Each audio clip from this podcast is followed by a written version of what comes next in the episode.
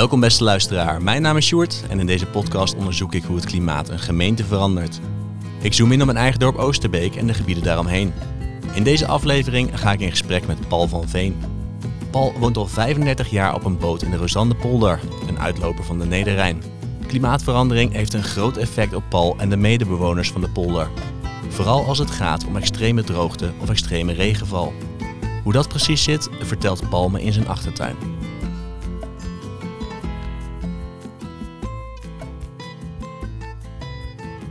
Paul, waar, uh, waar staan we nu? Je staat hier nou aan, helemaal aan het einde van een hele lange weg rondom de plas. Uh, nummer 44 in de Roosandepolder. En uh, daar woon ik met mijn gezin. Ja, we zijn hier omringd door woonboten. Een van die boten is van jou. Een mooie witte, witte boot met ja. twee, twee verdiepingen. Hoe lang, hoe lang woon je hier al?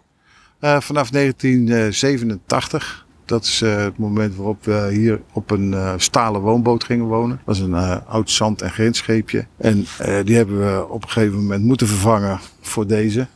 Het gezin werd te groot en de boot werd te slecht. Dus daarom hebben we nou deze grote witte. Ja, dat is best een, best een grote plas. dat is nummer 44. Er liggen ook 44 boten, neem ik aan. Aan de ene kant kijken we uit op een steenfabriek. Aan de overkant van de Nederrijn. Aan de andere kant zien we volgens mij KEMA laboratories met allerlei testapparatuur voor, ja, wat zijn het, hoogspanningsmasten en dergelijke. Uh, ja, wat daar plaatsvindt, het is uh, dat ze testen doen. Uh, ze belasten daar met hoge spanningen allerlei installaties. En die komen af en toe met een klap tot ontploffing. Nou, laten we maar hopen dat het tijdens het opnemen van deze kast niet gebeurt. Want dan herinner je je dat wel. Maar het gebeurt incidenteel. Je woont hier al sinds 1987. Dat is mijn geboortejaar toevallig. Dus dat is al zo'n 35 jaar. Hoe heeft de Rosandepolder zich ontwikkeld? Uh, nou, uh, de Rosandepolder is eigenlijk een uitgegraven grindplas. Dus uh, er was hier eigenlijk een steenfabriek. En die steenfabriek die, is na de Tweede Wereldoorlog niet opnieuw opgebouwd. Die was te zwaar beschadigd geworden. Maar de plek waar die op stond, daar bleek wel heel veel klei en zand en grind onder te zitten. Wat weer gebruikt kon worden door andere steenfabrieken. Ze hebben het uitgegraven. En uh, ja, die plas die toen ontstond, daar gingen toen mensen wonen die een, uh, op zoek waren naar een, een, een, huis, een plek om te wonen. Was in die tijd in uh, Nederland een enorme woningnood. En wat er gebeurde was dat de eerste bewoners in 1963 hier hun woonbootjes neerlegden. En van Lieverlee heeft het zich gelegaliseerd en zijn er steeds meer, steeds mooiere en betere woonboten bijgekomen. Dus uh, dat is uh, waar we nu staan. Uh, nu is alles legaal en gereguleerd.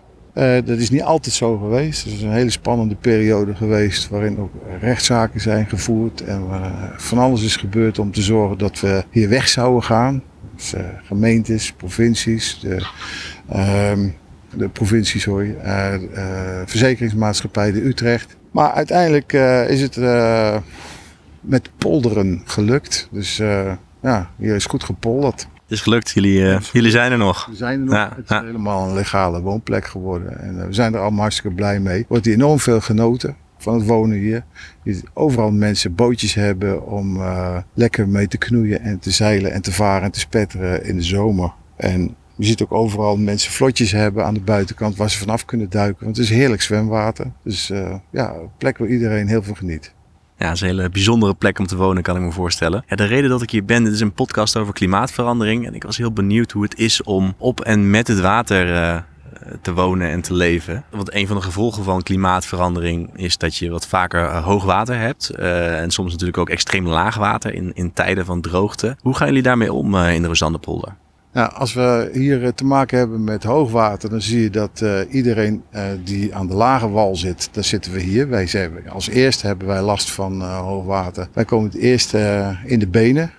wij moeten ervoor zorgen dat we alles wat kan drijven, dat het goed vast zit. Want anders dan drijft het de tuin uit. En alles wat we willen behouden, dat brengen we naar een plekje waar het hoog en droog weggeborgen kan zijn. Maar we verliezen uiteindelijk onze hele tuin als water maar door blijft stijgen. En het gevolg is dat we naar de overkant moeten, naar Rijkswaterstaat. Als je achter mijn boot kijkt, dan zie je dat daar uh, vijf trapjes zijn. En die vijf trapjes bij Rijkswaterstaat, dat is onze, voor de hele polder is dat de plek waar wij onze bootjes vastknopen als het water echt hoog is. Jullie, jullie vluchtheuvel? Ja, dat is onze vluchtheuvel. Dus uh, we hebben uh, schoolgaande kinderen.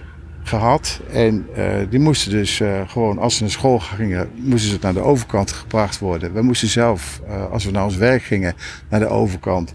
En dat geldt voor iedereen die hier woont. Dus het was een heel, een heleboel drukte op het water. Heel gezellig ook. Iedereen moet elkaar ook echt helpen. En let voor elkaar op. Ehm, als ik dus goed begrijp, als het, als het hoog water is hier, um, dan gaat iedereen, heeft dan een, een apart bootje, een klein bootje dat hij gebruikt om, nou in jouw geval, naar, naar de overkant te varen om überhaupt ergens naartoe te kunnen. Ja, de meeste mensen hebben een, een hele goede boot om uh, mee naar de overkant te gaan. En uh, die moet ook uh, beschikbaar zijn gedurende het hele jaar. Je weet bij God niet wanneer het eindelijk een keertje hoogwater wordt. Dat kan zomaar gebeuren. Het is niet zo dat je in het voorjaar altijd hoogwater hebt, of in het najaar, of rond de kerst. Of in de, iedere tijd van het jaar kan het wel een keer hoogwater worden. En je kunt je er eigenlijk niet precies op voorbereiden wanneer dat gebeurt. Je kan niet de voorspellingen bekijken of zijn die, zijn die te kort van tevoren beschikbaar. Het is een uh, rivier, die Nederrijn, die zich voedt uh, met smeltwater. Maar ook in toenemende mate is het een, uh, een regenwaterrivier geworden. En nou ja, Jij had het over het klimaat, uh, de verandering in het klimaat. Verandering in het klimaat uh, betekent ook wel dat we uh, onverwacht veel regen kunnen verwachten. Hè, dus kunnen meemaken. in de vorige podcast had je het over wat er voor beekjes kunnen ontstaan in Oosterbeek. Bijvoorbeeld op de Weverstraat. Als er dan een flinke waterbom naar beneden komt. Ja, je hebt steeds meer weersextremen inderdaad. En een regenbui is daar een voorbeeld van. En er kan steeds meer water op één plek vallen gedurende een hele korte, korte tijd. Ja. Want het heeft dus ook veel invloed op jullie waterstand? Hier? Onze waterstand gaat dan ook mee. En uh, gelukkig is het zo dat ze in uh, de bovenstroom in Duitsland hebben ze gebieden gecreëerd waar ze uh, veel water in kunnen laten lopen. En het werkt als een soort buffer, waardoor wij niet meteen uh, acuut mee hoeven veren als het van boven afkomt. Uh, maar als het van dichterbij komt, dus zeg maar vanaf het roergebied en de moezel, als dat uh, begint te stijgen, dat water, dan gaat het hier ook in een rap tempo omhoog. En dan moet je wat. Ja, je hebt al een paar gevolgen genoemd. Um, een van de dingen die je zei is, dan heb ik geen tuin meer. Nou, we staan nu in je tuin. Ik kijk even om me heen, het is best groot. En er staan ook best veel spullen. Ik zie een aantal karren met spullen. Ik zie een, een, een tafel met stoelen. Je ligt volgens mij nog een boot op, op de kop. Wat, ja. wat gebeurt daar allemaal mee uh, als, als het water stijgt? Uh, nou, je hebt uh, de tractor niet eens opgenoemd. Maar die tractor, dat is... ja, wel een mooi antiek trekkertje. Maar die zorgt ervoor dat al die karren de tuin uitgaan. En die gaan dan naar Rijkswaterstaat. Bij Rijkswaterstaat is een enorm parkeerterrein. En daar mogen wij gebruik van maken voor als we in nood komen in verband met stijgende water. En dan, uh, ja, dan moeten we vijf dagen van tevoren zeggen dat we eraan komen. Dan houden ze rekening met ons. Gooi je het uh, poort open. En uh, nou, als het hoge water weer vertrekt, dan mogen we onze spullen weer ophalen. Dan wachten we even tot de tuin weer hard genoeg is, zodat de karren erop kunnen blijven staan. Want na het hoge water heb je hier ook wel een dingetje hoor. Dan ligt hier echt een hele laag slijk over de tuin. En uh, dat moet eerst helemaal inklinken. En de tuin moet weer, uh, de grond moet weer hard worden. Het duurt even. Dus uh, over het algemeen, ja, daarvoor hebben wij al die spullen hier staan. We stoken hier op hout. En uh, dat is een keuze. We, hebben ook gas, maar wij gebruiken geen gas. Maar vinden houtstoken vinden we leuker. En uh, dat betekent ook dat de houtvoorraad, die moeten we weg kunnen brengen. Dus de houtvoorraad is mobiel, die staat op een boerenkar. En we brengen die kar brengen we naar Rijkswaterstaat als het moet. En een paardenwagen daar staan, zit ook vol met hout. Ja, dus je moet je een beetje redden. En uh, dat is anders dan wonen in een wijk. Het klinkt heel anders dan wonen in een wijk, ja. uh, inderdaad. En ik kijk nu weer even naar, jou, naar jouw woning, naar jouw woonboot. Die zit vast aan twee hoge palen. Uh, blijft die hoog genoeg de komende jaren?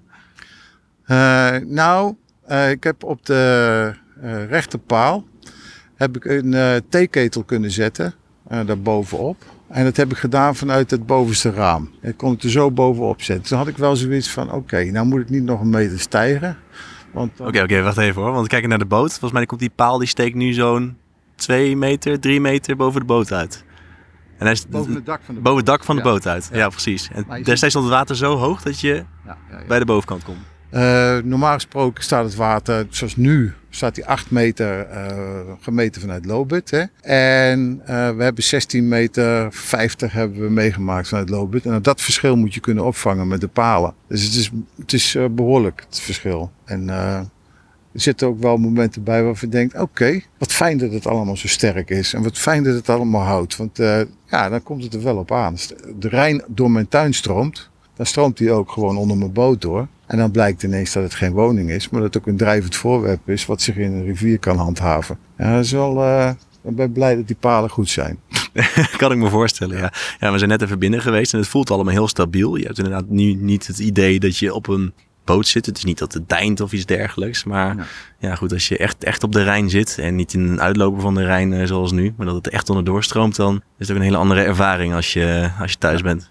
Ja, het is wel, wel heel mooi. Je hebt een geweldig uitzicht alle kanten op. Je kijkt dan echt uh, honderden meters uh, richting Arnhem. En je kijkt het uh, natuurgebied Mijnerswijk in. En ja, het is echt prachtig. Vaak is het na een periode waarin het water alsmaar stijgt en er heel veel neerslag is en heel veel zorgen, komt er ook weer een periode aan waarin het heel mooi weer is. En dan is het op het hoge water mooi weer. En is het heerlijk om met een kano gewoon naar de overkant te gaan, je kinderen op te halen. Of ja, dan is het ook wel super gezellig en uh, prachtig op het water. Ja, we hebben het nu dan vooral over hoogwater gehad. Hè? Want een van de weersextremen als gevolg van klimaatverandering is nou ja, meer, meer piekbuien. Uh, andere weersextremen is natuurlijk droogte en juist lage waterstanden. Heeft het ook, is het ook van invloed op, op jullie manier van wonen hier? Nou, uh, we hebben een erg ondiepe lichtplaats. En die ondiepe lichtplaats die zorgt ervoor dat als het water verdwijnt, in dus een lage waterstand, dan vallen wij droog. En dan liggen we gewoon op een zandbank. En dat is in zoverre het probleem dat we kunnen niet naar de werf toe. Als je op een stalen boot woont en onze bak is van staal, dan is het een ingewikkeld verhaal om naar de werf toe te gaan om het onderhoud aan de onderkant van je boot te laten doen. En daarna terug te keren terwijl het water gezakt is. Dan kom je namelijk nooit meer op je oude plek terug. Dus het is erg lastig. Dus uh, ja, wij, wij merken daar wel wat van. Uh, het is ook lastig. Uh, hoogwater is uh, een probleem. Extreem laag water is ook een probleem. Dat hebben we de laatste jaren vaak gehad. Dat we de hele zomer droog lagen. En ik heb hier de Volkskrant langs gehad, die een pagina grote foto heeft gemaakt. En een verhaal erbij opgeschreven over hoe geweldig het is om hier dan het gevecht met de natuur te zien. Maar ja, het klopt wel. Het is ook echt een gevecht met de natuur. Alleen uh, laag water, ja, je zult het ermee moeten doen. Het is een, een, gevolg van uh, schommelingen in het klimaat. En uh, het is een beetje af te wachten wat het uiteindelijk gaat worden met het klimaat. Want ja, ik zeg altijd klimaat, het gaat over periodes van 25 jaar. om een uitspraak te doen over het klimaat, nou zo'n grote broek wil ik niet gauw aantrekken. Maar de tendens is in ieder geval dat we ons wel zorgen mogen maken over de extreme verschillen. Zo vaak laag water, ja, dat vind ik wel zorgelijk. We hebben uh, paarden in de wei staan hierachter. En die paarden die uh, halen normaal gesproken halen ze altijd hun uh, ja, water halen ze gewoon uit de Rijn. Maar daar kunnen ze dan niet bij komen. omdat het gevaarlijk voor ze is om langs de, de stenen te klimmen. Dus dan moeten wij ze echt gaan water gaan geven. En water oppompen, dat mag niet. Dus we geven ze dan water, gewoon kraanwater. We hebben er dus echt veel mee te maken, dat kun je wel zeggen. Ja. Door de manier waarop we leven, fantastisch, lekker ruim, hartstikke mooi, uh, veel vrijheid. Maar uh, anders dan in een woonwijk maak je je dus wel mee dat uh, ja, je, je moet constant aanpassingen vinden voor allerlei dingen. Je blijven anticiperen, denk je, op die weersextremen de komende jaren of misschien zelfs decennia? Nou, dat is het mooie van, uh, van mensen. Mensen hebben natuurlijk gewoon enorm adaptief vermogen. En dat is ook de uitdaging. Dat is ook leuk. Ik denk dat uh, mensen die hier wonen zich daarop hebben geselecteerd. Uh, mensen die hier wonen hebben allemaal zin in dit soort problemen. Vinden het fijn om het op te lossen. En vormen ook een sociale eenheid. En vinden het ook fijn om daar van alles met elkaar in te verzinnen. Um, ik zelf zit in een groepje hier in de polder. En wij noemen onszelf Rosanne Stroom. En we proberen ervoor te zorgen dat iedereen zoveel mogelijk uh, nul op de meter krijgt. Dus uh, alle woonboten nul op de meter krijgen, dat zal wel niet gaan. Maar we zijn al een jaar of vijf bezig. En uh, meer dan de helft van de boten hier hebben inmiddels zonnepanelen. Een aantal boten hebben uh, de warmtevoorziening vanuit een warmtepomp. En wij vormen daar ook een vraagbaak voor met z'n allen. En uh, we zijn vanuit die, die werkgroep zoeken dingen uit. We hebben vanuit de gemeente Arnhem hebben we iemand toegevoegd gekregen die ons helpt om de continuïteit te bewaken. En die kijkt ook of er dwarsverbandjes mogelijk zijn. We hebben op dit moment vanuit die groep Rosandestroom zijn we bezig om waterstofgas te gaan produceren vanuit de overcapaciteit die we hebben vanuit onze zonnepanelen. Iedereen heeft inmiddels genoeg nou ja, een aantal mensen heeft genoeg zonnepanelen om terug te leveren aan het net. In die mate dat ze er ook, nou ja, daar zou iets verstandigs mee kunnen doen. En we hebben gedacht dat we daar waterstofgas mee kunnen gaan maken. Interessant is, er komt hier ergens een electrolyzer te staan. Ja, precies. We hebben met High Matters, dat is een bedrijf in de Kleefse Waard, hebben we contact gezocht. En die hebben een uh, mobiel apparaat ontwikkeld waarmee ze demonstraties kunnen geven over hoe dat eigenlijk werkt. Die electrolyzer inderdaad uh, op wieltjes, die uh, kunnen ze ergens heen brengen. En dan kun je daar zien wat het doet. Ja, want je kan de elektriciteit omzetten naar waterstofgas, maar je kan het proces ook omkeren en van het waterstofgas weer elektriciteit maken. Dat is het verhaal, dankjewel. Ja, ja zo zit het. En nou goed, er zijn hier uh, nu vijf mensen enthousiast mee bezig. En uh, wij komen uh, ongeveer één keer, twee keer in de maand komen bij elkaar. En proberen elkaar een beetje nou daarop aan te spreken en enthousiast te houden. En we organiseren energiecafés. we nodigen andere bewoners uit om hier ook, ik heb hier in de tuin een energiecafé gehad. Waarbij de polder uitgenodigd was. En er zijn toen een man of Even kijken, was dat uh, eh, 20 man uit de polder zijn er wel geweest. toen hebben we een demonstratie gedaan uh, uh, hoe je op basis van flexibele zonnepanelen toch stroom kan maken als jij een dak hebt wat misschien niet geschikt is voor klassieke zonnepanelen. Dan kan je dat wel doen met die lamellen. En dat is ook een bedrijf wat in de Kleefse Waard zit dat die dingen maakt. Echt heel mooi. we hebben toen ook iemand die op een woonboot woont en zelfvoorzienend is in zijn elektriciteitsproductie, maar ook uh, daar een bedrijfje in heeft. Hebben uh, laten vertellen hoe het eigenlijk het beste ingericht kan worden. Nou, dat zijn dan dingen waardoor mensen in de polder allemaal denken van frek, dat kan van alles. Wat leuk en wat fijn dat jullie ermee bezig zijn. Die boten die hier achter jou liggen, met dat zeil eroverheen, dat zijn drakenboten. En die drakenboten die zijn uh, in te zetten door daar met een team van acht man op te zitten. Er zit geen motor op. Er komt een grote mooie drakenkop op. Er zit een trommel op. Er is een, iemand die er achterop staat met een gigantische pagaai om uh, te sturen. En um, wat wij doen is dat wij verschillende teams uit verschillende wijken uitdagen om tegen ons te racen. Dat gebeurt dan hier. Je hebt 550 meter uh, beschikbaar hier in de Rosanderpolder. En dan varen we tegen elkaar. Uh, het gaat eigenlijk nergens om. Maar uh, er, is, er is eigenlijk niks te winnen. Behalve dan dat je ervaart dat je een team bent. En dat een andere wijk ook een team heeft. En we vinden elkaar onder de noemer duurzaamheid. En nou ja, zo'n zo'n duurzaamheidscafé, zo'n energiecafé. Dat koppelen we dan aan zo'n race. En dan zorgen we dat er een band in de tuin speelt. We hebben dan ook uh, uh, wat te drinken en wat te eten. En er ontstaat een soort leukigheid rondom het thema duurzaamheid en hoe je daarmee om moet gaan. En dat past heel goed bij deze Rosanderpolder en bij de mensen zoals die hier leven. Ja, maar dat is sowieso een goed idee, want vaak zijn het toch een beetje saaie eh, surf bijeenkomsten met slechte koffie. En het gaat heel veel over techniek en weinig over het sociale aspect. Jullie maken er gewoon een leuke ja. Nou, bijna een feestje van, uh, zou ik willen zeggen. het, het, moet ook per se een feestje zijn. Want uh, je wil naar een toekomst. En je kunt niet met een zagrijnige kop naar de toekomst. Je, jij wil uh, iets moois maken voor later. En je wil elkaar daarin vinden. Je wil elkaar daarin stimuleren. En het gaat het makkelijkst als je een feestje organiseert. Dus we hadden dat hier op een gegeven moment wel begrepen. Dus hier woont onder andere ook uh, uh, Klaas. En Klaas die zit, uh, ik noem even zijn achternaam niet, maar die, die zit in de windmolenbusiness. Uh, hij zei, als je dingen wil organiseren en je wil zorgen dat er draagvlak, begin met een potje bier. zorg dat je de mensen op een gezellige manier bij elkaar krijgt. hij heeft gewoon groot gelijk. Als je mensen gezelligheid biedt, dan ontstaat er een constructieve sfeer. En voor je het weet hebben mensen elkaar van alle actie beloofd. Op die actie kom je verder. En het is een briljant concept geweest. Er hartstikke veel om gehad.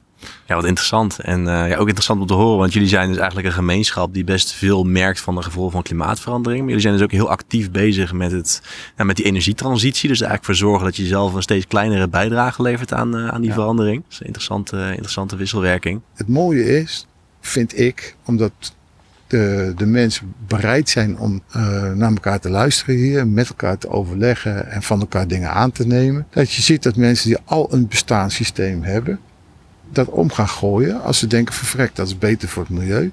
Dat ga ik doen. Er zijn, ja, er zijn voorbeelden van mensen die hadden een, een, een uh, ark helemaal onder architectuur laten bouwen. En die zien dat er hier en daar mensen zijn die een uh, warmtepomp installeren. Die hebben hem inmiddels ook geïnstalleerd. Ja, ja, geweldig. Je had het over warmtewisselaars in het water. Betekent dat dat mensen dan hun warmte ook uit het oppervlaktewater halen? Ja, hetzelfde systeem. Uh, je kunt het uit de lucht halen. Uh, water heeft een hele constante factor vergeleken met. Vooral als je op een bepaalde diepte met die warmtewisselaar ligt. Bij, nou ja, op een bepaalde diepte is het water constant 9 graden. En uh, 9 graden, dat is beduidend warmer dan 9 graden onder nul. Dus met dat verschil kun je wel wat doen. En als ik hier over, nou, laten we zeggen, 10, 20 jaar terugkom, wat, wat tref ik dan aan? Eén, qua gevolgen van klimaatverandering, hoogwater, laagwater, aanpassingen erop. En twee, qua energietransitie. Hoe, hoe ziet het gebied eruit straks? Uh, nou, energie-neutraal ga ik vanuit. Uh, daar, dat, uh, daar durf ik wel op in te zetten. Want daar zijn we vijf jaar geleden eigenlijk gewoon heel actief mee begonnen. En als ik zie hoeveel voortgang we boeken, dan gaat dat lukken. Dan is dat zelfs over vijf jaar wel geregeld, denk ik. En um, ik denk wel dat we qua effecten zoals laagwater, hoogwater. Hoogwater zal niet veel aan te doen zijn, maar laagwater de gemeente Arnhem die heeft uh, nu een baggerproject uh, bedacht. Dus die gaat nu hier zorgen voor meer water onder de boten. Dan zou je dus minder last hebben van laag water. Dan merk je het natuurlijk nog wel. Um, en waar je het bijvoorbeeld aan gaat merken is, je ziet bij ons de loopbrug. We hebben een hele lange loopbrug, die is 21 meter lang. En die begint op een drijvertje en die eindigt op een drijvertje. Er zijn hier 44 verschillende concepten om aan boord te komen, want er zijn 44 boten. En dat betekent voor sommige boten dat ze een hele andere constructie moeten gaan bouwen, omdat je bent heel laag water. Ja, dan, dan, dan wordt de, hellingshoek waaronder je af moet lopen, wordt uh, ingewikkeld. En uh, het volgende aspect is dat iedereen hier zo graag woont, dat hij niet graag gaat verhuizen. Dus iedereen wordt hier verschrikkelijk oud. En als jij op dat gestelde tijdstip wat jij noemde, hier nog een keer zo rondkijken, dan zie je allemaal hele oude mensen die als het goed is alles zo voorbereid hebben dat ze nog lang kunnen blijven wonen. Ja, ja precies. Ja. Een bejaarde met zonnepanelen ja, en een comfortabel ja. bootje om naar de overkant te varen als het uh, hard geregend heeft. zeker bij, ja. dat is goed om te horen. Ik wil nog vragen, van, zie je ook een scenario voor je dat je uiteindelijk moet vertrekken uit het gebied, omdat het gewoon niet meer te doen is qua waterstanden? Maar dat antwoord is nee, begrijp ik. Nou ja, kijk, dat zegt nooit nee. Ik bedoel, het is onzinnig om, uh, daar kun je weinig over zeggen. Ik weet eigenlijk al wel dat uh, uh, de, de, de staat dus ongetwijfeld nog een hoop narigheid te wachten. Want uh, het, het, uh, het milieu is in transitie. Dus er gebeurt van alles. Alleen um, wat je hebt, wat je in je hand hebt, is hoop. En de mogelijkheid om de menskracht in te zetten. En dan gaat het om creativiteit. En dan gaat het om gezelligheid. En dan gaat het om proberen om er wat van te maken. Nou ja, dat is een menselijke eigenschap die ik door de geschiedenis heen heb leren kennen als de voorwaarde om vooruitgang te boeken met z'n allen. Ga ervan uit dat ja, je kunt verliezen, maar we gaan voor de winst. Kijk, dat lijkt me een mooie afsluiter voor deze podcast. Dankjewel. Graag gedaan.